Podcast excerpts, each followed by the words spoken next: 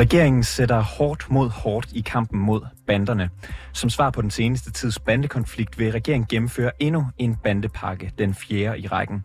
Men regeringsbandepakke er fyldt med strengere straffe, og det har mødt en del kritik fra eksperter. Bandepakken ignorerer nemlig al den forskning, der peger på, at hårdere straffe ikke virker forebyggende. Og så ligger den mere vægt på politisk selvprofilering end forebyggelse og resocialisering.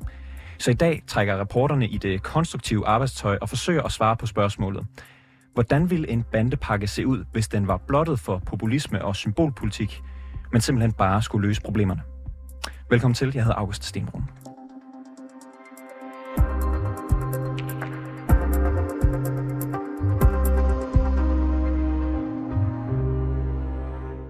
Politikerne går mest op i hårde straffe til kriminelle for at se bedre ud over for hævngærige vælgere. Så lyder det fra flere kritikere. Øh, det er godt for retsfølelsen, som det hedder, når man straffer kriminelle hårdt. Men retsfølelsen, den parkerer vi i dag. Vi vil lave en bandepakke uden politisk fnider. Og til det har vi nedsat en øh, lille taskforce bestående af jer tre. Henrik Vig, du er professor i antropologi og leder af Center for Global Kriminologi på Københavns Universitet. Hej. Så har vi også uh, Henrik Kokborg, indehaver og konsulent i den socialfaglige virksomhed Integrationsinfo med. Velkommen til. Tak skal du have. Og uh, Martin Selos Andersen, direktør i Exit-programmet 1% er nok. Du er også tidligere rockerpræsident. Velkommen til. Tak for det. Vi skal forsøge at samstykke et alternativ til regeringens bandepakke nu her, og jeg vil gerne bede om at være konstruktiv, bede om at være så konkrete som muligt, og øh, komme med løsninger, der er så implementerbare, som de overhovedet kan være. Og lad os starte med øh, forebyggelse, Martin Selos Andersen. Da vi talte med dig inden udsendelsen her, så sagde du, at man skulle nok nærmere lave en forebyggelsespakke, end man skulle lave en, en bandepakke. Så lad os starte der. Vil du ikke øh, fortælle, hvor du vil starte med forebyggelse? Jo, og vi er simpelthen nødt til at anlægge et perspektiv, hvor vi drejer fokus og vender det på hovedet. Det er ikke sexet at snakke forebyggelse, men det er det, der virker. Og det vi er nødt til at gøre, det er at afkode, hvad det er, der samstemmigt skaber det problem, som er social udsathed, som er vejen ind i de her miljøer. Og det gør vi ved at tilføre ressourcer der, hvor de mangler. Og det kan for eksempel være i socialt udsatte områder, så laver man en analyse af, hvad udfordringen i det her område, og så tilfører man ressourcerne dertil på en måde, hvor for eksempel det kunne være styrkelse af civilsamfundets position der i foreningslivet ved sportsfællesskaber. Lige der, så har du et alternativ til den fedkæde, som flytter folk ind i hjørner. Henrik, vi øh, styrker civilsamfundet, tildel ressourcer i sociale bolig, eller udsatte boligområder. Er det øh, noget, der virker forebyggende? Altså, jeg synes, forebyggende arbejde er mega sexet. Øh, og jeg synes, de er konstante variable, når man kigger på rock- og banderelationer, Det er simpelthen udsatte boligområder, udgrænsede familier og fællesskaber. Så jeg er meget enig. Det handler om øh, inklusion, det handler om øh, uddannelse, det handler om fremtidsmuligheder. Og så handler det om, at man går ud i de her områder og snakker med folk om, jamen, hvordan gør vi det bedst muligt? Man kan bygge på SSP-samarbejdet og sige, jamen, hvordan gør vi det her bedst muligt? Hvad er det, der skal til for at styrke jeres fællesskaber? Så mere SSP-samarbejde blandt andet, udvikling af, af civilsamfundet i, i udsatte boligområder. Er det noget, du kan skrive under på også, Henrik Kokborg? Ja, øh, helt klart. Øh, forebyggelse er vejen frem, og øh, altså... Øh, og straf og alt det her, som vi har været inde på, jamen det, øh, det har vi prøvet mange gange. Men forebyggelse, øh, mener jeg jo, er, er den vej, vi skal gå, og vi bør allerede starte i 0-6 års område. Og, og hvor skulle man så starte, da du siger starte i 0-6 års området? Kan du, kan du komme med en, en, noget, man kan, man kan starte på i morgen? Altså noget, som øh, øh, politikerne kan se og føle på, og som de kan indføre? Jamen, der er mange ting, man kan gøre, fordi det meget handler jo om ressourcer. Øh, de steder, som skal løse opgaven, de er presset i bund, øh, rent ressourcemæssigt, uddannelsesmæssigt osv. Mange af vores institutioner har ikke uddannet personale øh, og sådan noget, så øh, de er meget presset i deres hverdag. Og det er ikke noget, der gavner de her børn, der var, øh, kommer for eksempel fra parallelsamfundet. Øh, de har brug for at blive styrket i nogle færdigheder, nogle kompetencer, som, øh, som gør dem i stand til at også at klare sig ude i, i, øh, uden for parallelområdet. Så det vil simpelthen sige, altså bedre nummeringer i vuggestuer og børnehaver, det er allerede der, det starter? Ja, det er det jo. Altså, nu har politiet selv været ude og sagt, at øh, de er begyndt at rekruttere 10-årige. Altså, der er gået noget inden der, hvor deres hjerner er blevet formet til, at de kan lokke sig ind i de miljøer. Så vi skal jo ind og støtte de her børn med at få et, øh, et andet syn på livet og give dem nogle andre kompetencer og færdigheder end øh, dem, de nødvendigvis eller måske får i øh, det nærmiljø, de er en del af. Henrik, øh, Henrik vi, hvad vil du gerne skrive til uh, den her bandepakke, som, uh, som er sådan forebyggelses... Uh... Jamen det der, synes jeg er en, også er en vældig god idé at sige, styrk de institutioner, der er i de her lokale områder. Så hvis du har nogle udsatte boligområder, så gå ind og styrk uddannelsesinstitutionerne, gå ind og styrk omsorgsinstitutionerne der. Noget andet, jeg gerne vil have, altså jeg synes faktisk forebyggelse af sexet, jeg synes uh, den der hårde kriminalisering, synes jeg er usekset, altså. Og, og forskningen siger jo også, at det ikke rigtig fungerer. Øh, så jeg vil også godt have politikere, der lader være med at kriminalisere folk i deres, øh, når de taler om bandepakke. Jeg vil gerne have en statsminister, der lader være med at, at, at sige i forhold til øh, familier med indvandrerbaggrund osv. Vi har ikke et bandeproblem, vi har et rockerbandeproblem. Altså, og det går faktisk på tværs af, af etnicitet og religion, religion og, og, og så videre. Så, så jeg vil gerne have nogle, nogle øh, andre samtaler i den her debat, og jeg vil gerne have, at man, man som progressivt lavt som Danmark tager fat i det og siger, at vi vil gerne øh, øh, have så inklusivt et samfund som muligt. Og det, det starter faktisk allerede ved for eksempel, at vores øh, statsminister og justitsministers retorik om, ja, hvilke problemer vi har, øh, det er simpelthen, at er det kontraproduktivt, når for eksempel statsministeren siger, at øh, familier med indvandrerbaggrund, de nærmest har, de har et øh, ansvar for opdragelsen. Er det, er det kontraproduktivt for øh, bandeproblemerne? Det synes jeg bestemt, det er. Så man skal anerkende de problemer, der er, og man skal øh, tage, tage vare om de problemer, der er, og løse dem, som, som man nu engang kan. Men, men altså, en stor del af de rock- og bandeproblematikker, vi kigger på, har jo som udgangspunkt udgangspunkt, at, at folk ikke føler sig inkluderet og søger alternative oppositionelle fællesskaber. At folk ikke føler, at de har mulighed for at få anerkendelse eller fremtid i det samfund, de er en del af. Altså, og når man så går ud fra politisk side og, og øh, ligefrem markerer, at, at vi taler til jer, som om, at det er jer, den her gruppe øh, med, med indvandrerbaggrund, der er det primære problem, altså, så, så hælder man bare, øh, øh kaster man ved på bålet. Altså benzin på bål. Og, øh, og det er jo ikke øh, fuldkommen blottet for forebyggende indsatser regeringens øh, bandepakke. De har blandt andet det her øh, forslag om, øh, at man kan stille fritidsjob til rådighed, især til unge mennesker på kanten af kriminalitet, på kanten af samfundet. Øh, Martin Salos Andersen, vil det øh, virke? Det er ikke en dårlig idé, og det er et skridt i den rigtige retning. Og jeg vil lige først knytte på kommentar til de to ting, som både Henrik 1 og nummer 2 sagde. Og det er, at jeg slutter mig helt op omkring de pointer, de laver. Og når det er, vi snakker forebyggelse, så er det et element af, som vores statsminister var meget direkte omkring, at det er at placere ansvaret hos forældrene. Og hvis man peger på forældre som værende en del af problemet, så skal vi som samfund være meget bedre end det, og samtidig pege på dem som en del af løsningen. For ellers så problematiserer vi bare folk, og som der er lige blevet påpeget nu, det er i forvejen et segment, som er meget marginaliseret, og ved at gøre dem til en del af problemet, marginaliserer det dem yderligere, og skaber en dikotomi, der hedder os og dem. Og så kan vi vinke farvel til, at de ser som meningsfuldt i samfundet. Så væk med det til at starte med. Nummer to. En måde, man kan gøre det på, det er, at hvis der er en udfordring ved det, så er det at kigge på udviklingen af forældrekompetencer. Og nu bliver det lagt op ind i bandepakken, at man også vil til at tvangsfjerne børn. Det vil sige, at vi vil nu flytte børn ind i et system, der i forvejen er eklatant fejlet. Vores anbringelsessystem herhjemme er under massiv kritik, og nu vil man bruge det som den første løsning. Og der glemmer man helt, når man siger sådan noget, at det er, at alle børn, der tvangsfjernes, gør det med henblik på at blive hjemgivet. Det er derfor, man tvangsfjerner børn midlertidigt. Men her er det ikke lagt op til, at vi gør noget for at klæde forældrene på.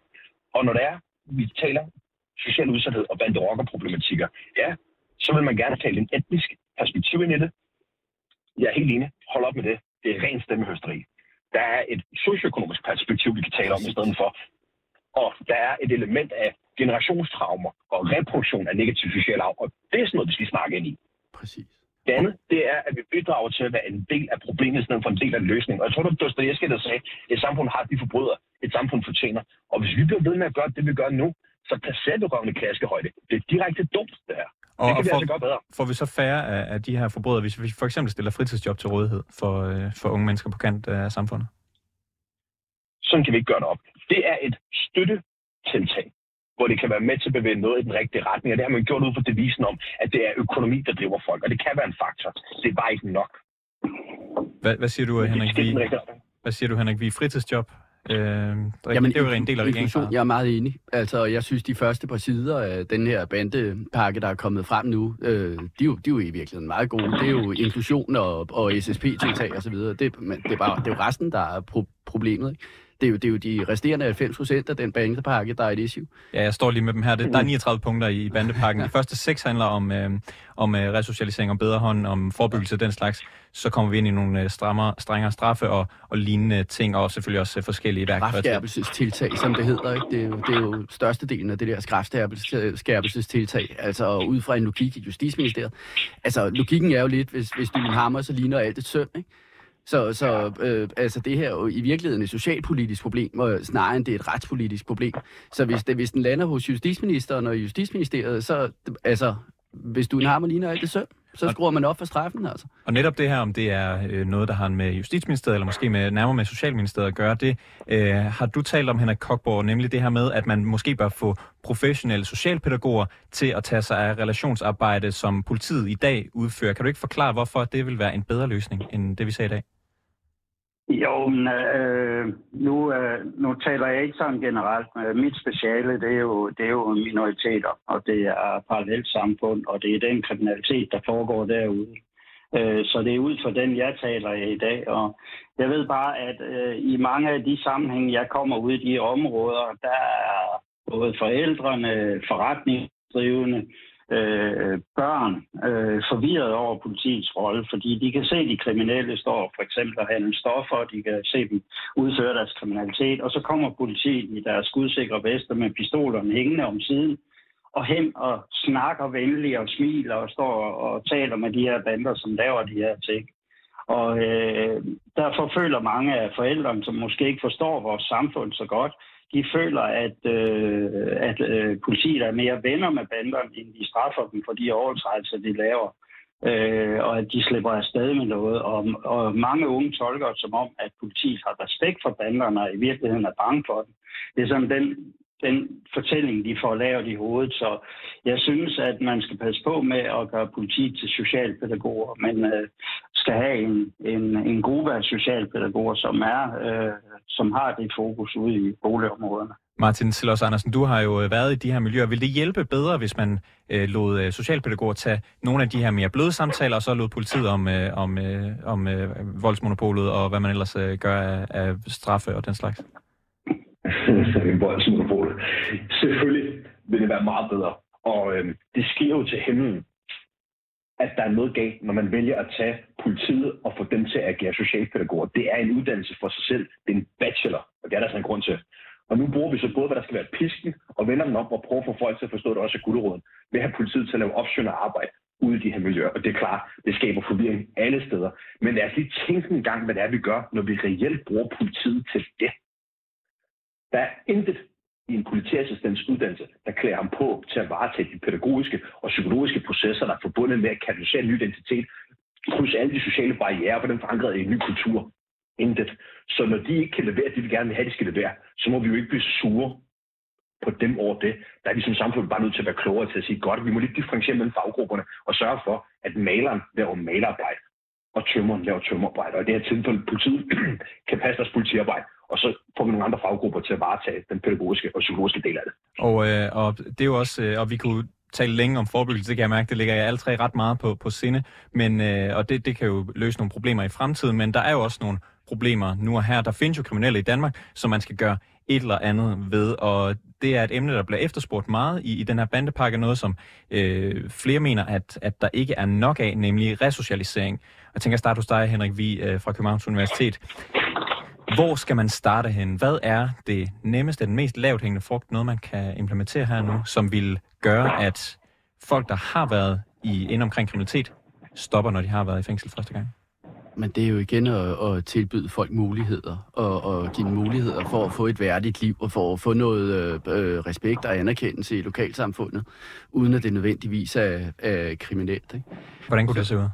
Jamen, øh, flere andre steder i verden, der har man i forhold til bandemedlemmer, har man lavet nogle programmer, hvor man, man gør dem til community workers og giver dem en uddannelse og får dem ind i fællesskabet som form for community workers, for eksempel i det amerikanske eller engelske system. Men øh, der er flere forskellige måder, hvor man kan sige, okay, men, men altså i virkeligheden, så, så øh, har vi brug for dig. Du har masser af kompetencer. Du har masser at byde ind på. Du har lokalkendskab. Du ved, hvad dynamikkerne er. Og så, så vil vi gerne øh, have dig til at arbejde for fællesskabet. For det bredere fællesskab, i stedet for mod det. Og, og det er jo noget af det, du øh, arbejder med, med til daglig, øh, Martin øh, Selos Andersen. Kan du mm. fortælle, hvad savner du af muligheder fra systemet til at hjælpe flere med at blive resocialiseret? Ja. Jeg vil lige starte med at kommentere samtykken på det, der lige blev sagt. Jeg er helt enig. Og noget af det første, vi er nødt til at forstå, er, at der kan være noget. Der er social udsathed, som er fodkøbelse i de her miljøer. Så det giver næsten ikke mening på at tale om at dem op for det, hvis ikke vi håndterer den sociale udsathed, der er forbundet med det. Men det så sagt, så er det adgang til meningsfulde fællesskaber, adgang til et meningsfuldt liv, og samtidig muligheden for at skabe den forandring, man ønsker at se. Og man må ikke tage fejl. Det er let at snakke om, at der ikke er en moral i de her hårdt kriminaliserede miljøer, fordi den er anderledes end vores moral i samfundet. Men der tager man fejl. Der er en meget stærk moral. Det er bare ud fra nogle andre punkter. Og det tog mig personligt flere år, før jeg fik afkodet, at jeg rent faktisk havde en helt skrivekompetence, som jeg kunne bruge på den her side af hegnet. Og da først jeg fik muligheden for at bringe dem i spil, så voksede jeg med opgaven selv. Mm. Og det er noget af det, jeg gør i mit arbejde. Det er at finde ud af, hvad er det folk er gode til. Fordi mange af dem har altså en fortælling om sig selv, at de kan nemlig være kriminelle. Og det kan de fandme. Og hvordan indretter man så samfundet for, at flere opdager det om sig selv, for at flere får de uh, muligheder til meningsfyldte uh, fællesskaber, som du uh, efterspørger? Det gør man ved at lave en indsats, hvor man arbejder med dem i stedet for imod dem. Og så afdækker man, hvad deres kompetence er, og så skaber man åbninger til, at de kan komme ud i samfundet. Og det kan for eksempel være som, som selvstændig. Der er jo mange, som har et fantastisk drive. De kører bare en forkert retning. Og, og hvordan kunne det se ud? Hvem, hvem er det der? Er det, er det kommunen? Er det socialrådgiver? Hvem, hvem skal ind og hjælpe dem? Hvor er det, de skal få hjælp fra, hvor de ikke får hjælp lige nu? Vi kan udvikle et nexus, hvor alle aktører, der har en interesse i det, kan bidrage til det. Man kan perspektivere det med en metafor.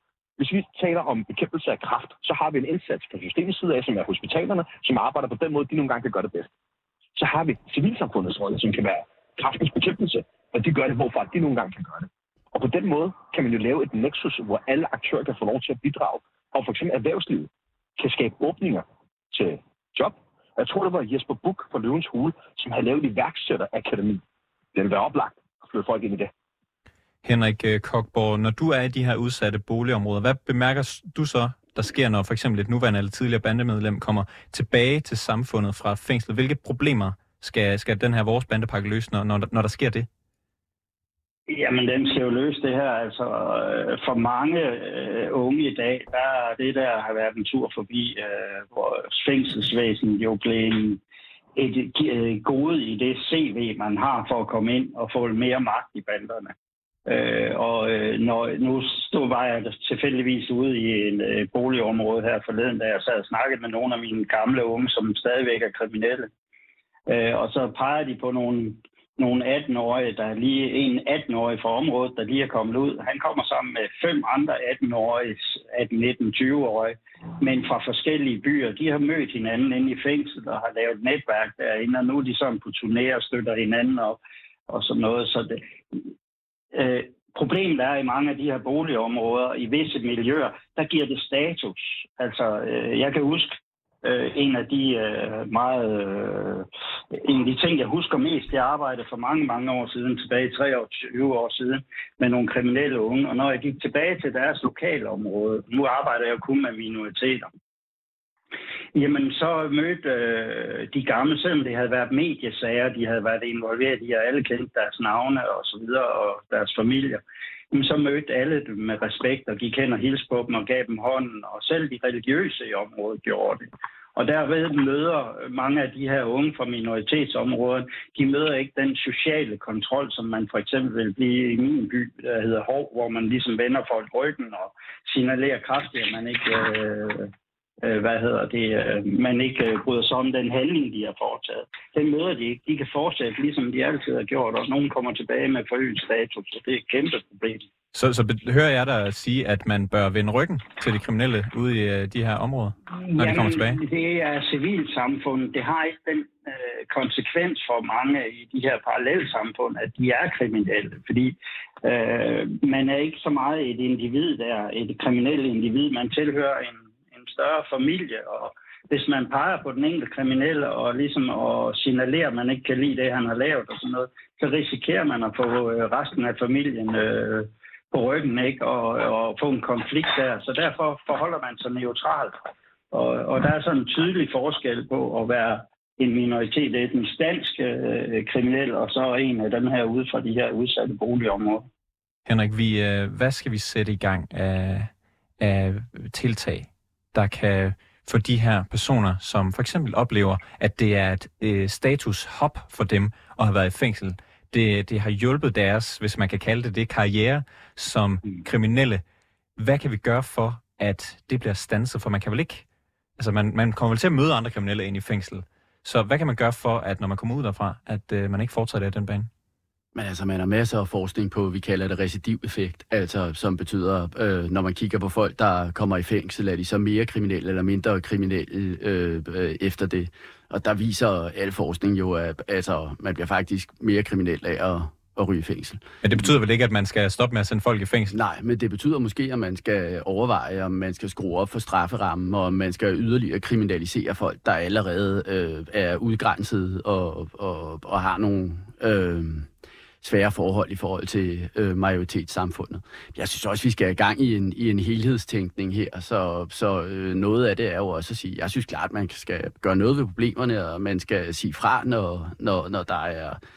Øh, øh, øh, grov kriminalitet, selvfølgelig skal man sige fra over for det. Men jeg synes også, vi skal i gang i en helhedstænkning, hvor, hvor vi også bliver nødt til at sige, okay, men hvordan trækker vi økonomien, for eksempel, ud af rock- og bandeforhold? Hvordan trækker vi det, at det giver status ud af rock- og bandeforhold osv.? Og, og det hænger jo faktisk sammen.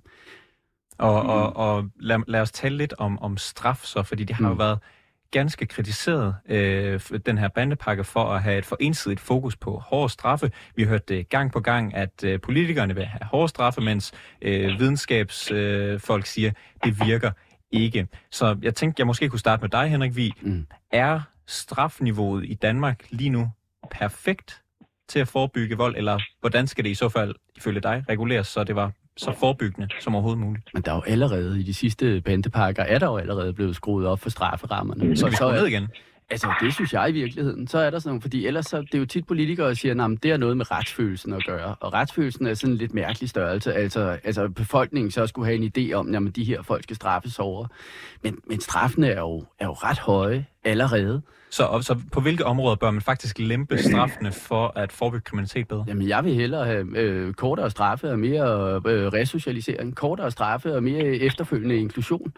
Så altså, hvordan, det tror jeg øh, fungerer langt bedre. Hvad snakker vi? Halvere straffen på vold, altså også personfarlig kriminalitet? Altså, jeg, jeg vil bare gerne høre, hvad, hvad ja. der virker? Eller hvad Men, er det, man forestiller sig, der virker, når, når man arbejder med det så, så indgående, som du gør?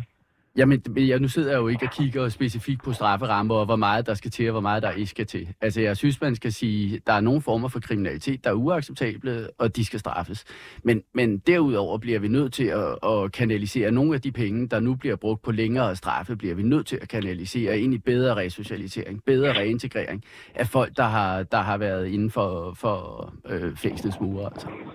Hvad, hvad siger du, Martin Selås Andersen? Skal straffene sænkes? Jeg synes, den diskussion, den er, den er svær. Lige nu er straffene, øh, hvor de er nu, og det her det er bandepark 4, og alle fire gange har man skruet på straffen, og går man baglæns, så kan man jo se, at folk har kritiseret det med straffene hele vejen igennem.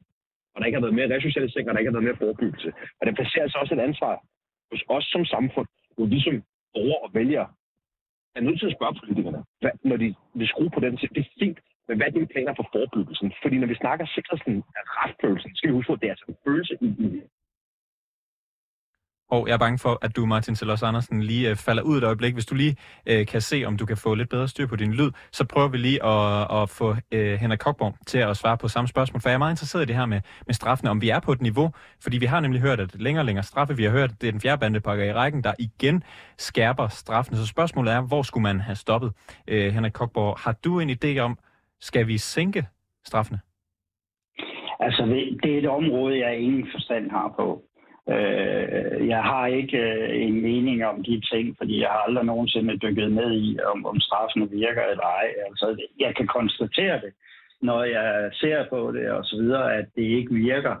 Øh, om det skal ned eller op, det har jeg ingen mening om. Men jeg synes mere, man skal snakke, og, og det der i hele taget at straffe de kriminelle, jamen det, øh, det er jeg ikke så optaget af, som jeg er af at få forebygget deres fødekæde øh, fordi den, er, den er, bliver mere barsk, og den er, bliver mere intensiveret, og den bliver mere professionel, den skoling, de giver børnene ude i områderne. Øh, så, så, så det er jeg interesseret i. Og der kunne både det økonomiske, altså Al Capone-modellen og gå efter øh, pengene øh, osv. være en løsning. Men straffen, øh, det ved jeg ikke ret meget om. Henrik Vig, du havde en øh, pointe til øh, længden men, på straffen her. Men det er bare, når man læser øh, den sidste evaluering af bandeparken så fra Justitsministeriet selv, så siger det, at politiet siger, at det virker. Men, men vi har en masse forskning, der viser, at straf faktisk ikke har særlig effekt. Det, altså i virkeligheden har vi en masse forskning, der siger, at det virker ikke rigtigt, og hvis det virker, så har det en recidiveffekt, hvor det faktisk genererer mere af det, vi prøver på at undgå. Altså folk bliver yderligere kriminelle. Så, så jeg synes der, så skal man sige, al respekt, jeg, jeg er sgu stor øh, øh, øh, fan af vores politi og, og vores retsvæsen i det hele taget. De gør, og domstolene også, de gør alt det, de kan. De gør deres bedste i en svær situation. Men måske skal man høre efter, hvad forskningen siger i de der situationer. Og der kan man sige, at forskningen siger, at ekstra straf og længere straffe ikke virker. Martin Silos Andersen, du blev øh, afbrudt øh, før. Vil du lige øh, komme med din sidste kommentar til længden på straffen herhjemme? Ja, og det er sådan, at være i talsat her. Alt evidensbaseret forskning peger på, at det ikke virker. Og, og det synes jeg, man skal tage lidt til, når man laver en national indsats. Så vi kan ikke alene arbejde på en følelse, om hvor man bruger argumentet, at vi skal sikre retsfølelsen for det enkelte. Det skal vi også. Men der er jo et perspektiv, som der bliver peget på her, som hedder, vi er med til at kriminalisere folk yderligere ved at putte dem i en institution i fængsel, hvor de er omgivet af kriminelle 24 Så hvis ikke vi får bedre mennesker ud af fængslerne, end vi sender ind, vil de blive ved med at gøre de ting, der fik dem til at gøre det, det var i fængsel til at starte med.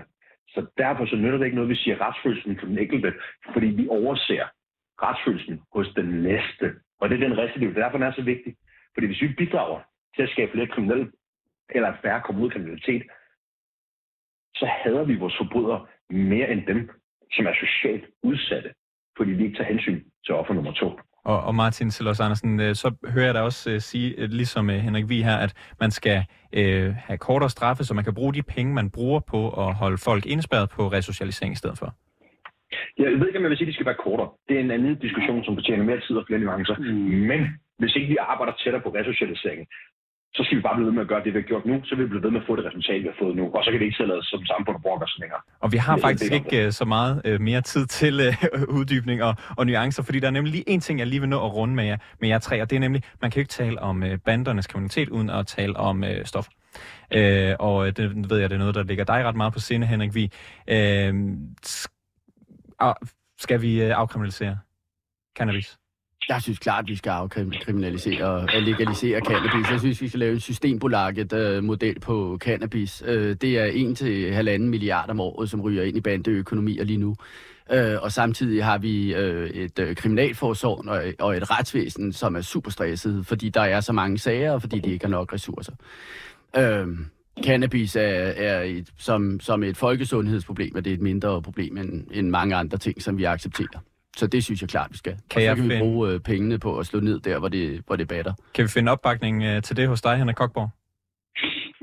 Jeg er lidt mere del i det, øh, fordi jeg kan godt se øh, nogle fordele i det, men øh, jeg kender også banderne rigtig øh, godt og ved, at de, øh, de finder nye veje øh, lynhurtigt. Altså banderne, de har nogle familier, de skal forsørge, de har øh, det ene og det andet, de skal have penge til. Så hvis det ikke er cannabisen, øh, så finder de noget andet. Hvad med, Martin, på, hvad med dig, Martin Silos Andersen? Afkriminalisering. Kan jeg skrive det på ja. øh, bandepakken her? Ja, helt sikkert. Legalisere hash, så skal I se, hvad der sker i forhold til at kunne allokere alle de ressourcer, vi ikke skal bruge på efterforskning og fængsel og alt det til andre udsatte områder. Det er soleklart. Det er der altså flere lande i verden, der har implementeret. Portugal har kørt det mange år og fået fantastiske resultater. Så det kunne være interessant at spørge politikerne, hvorfor man ikke kigger i retning af det, hvad argument er for, ikke at vi gøre det. Okay, så hvis nu jeg lige prøver at sammenfatte, og jeg ved, I er selvfølgelig ikke 100% enige i tre, og der er nogle ting, som, øh, som, I måske ikke, øh, og som I måske ikke har fået sagt, men øh, jeg, har, jeg har fået øh, skrevet lidt ned på, på hvad, hvad jeres bandepakke kunne lyde som. Man skal tilføre flere ressourcer i øh, lokalmiljøerne, man skal ændre øh, navnet bandepakke til forebyggelsespakke. Øh, man skal lave forebyggende arbejde, ja, for eksempel give midler til, øh, til sportstilbud og andre civilsamfundstilbud. Man skal forebygge allerede mellem de 0-6-årige, give bedre uddannet personale i institutionerne og tidligt i folkeskolen. Man skal have fokus på det socialøkonomiske og ikke på de etniske problemer.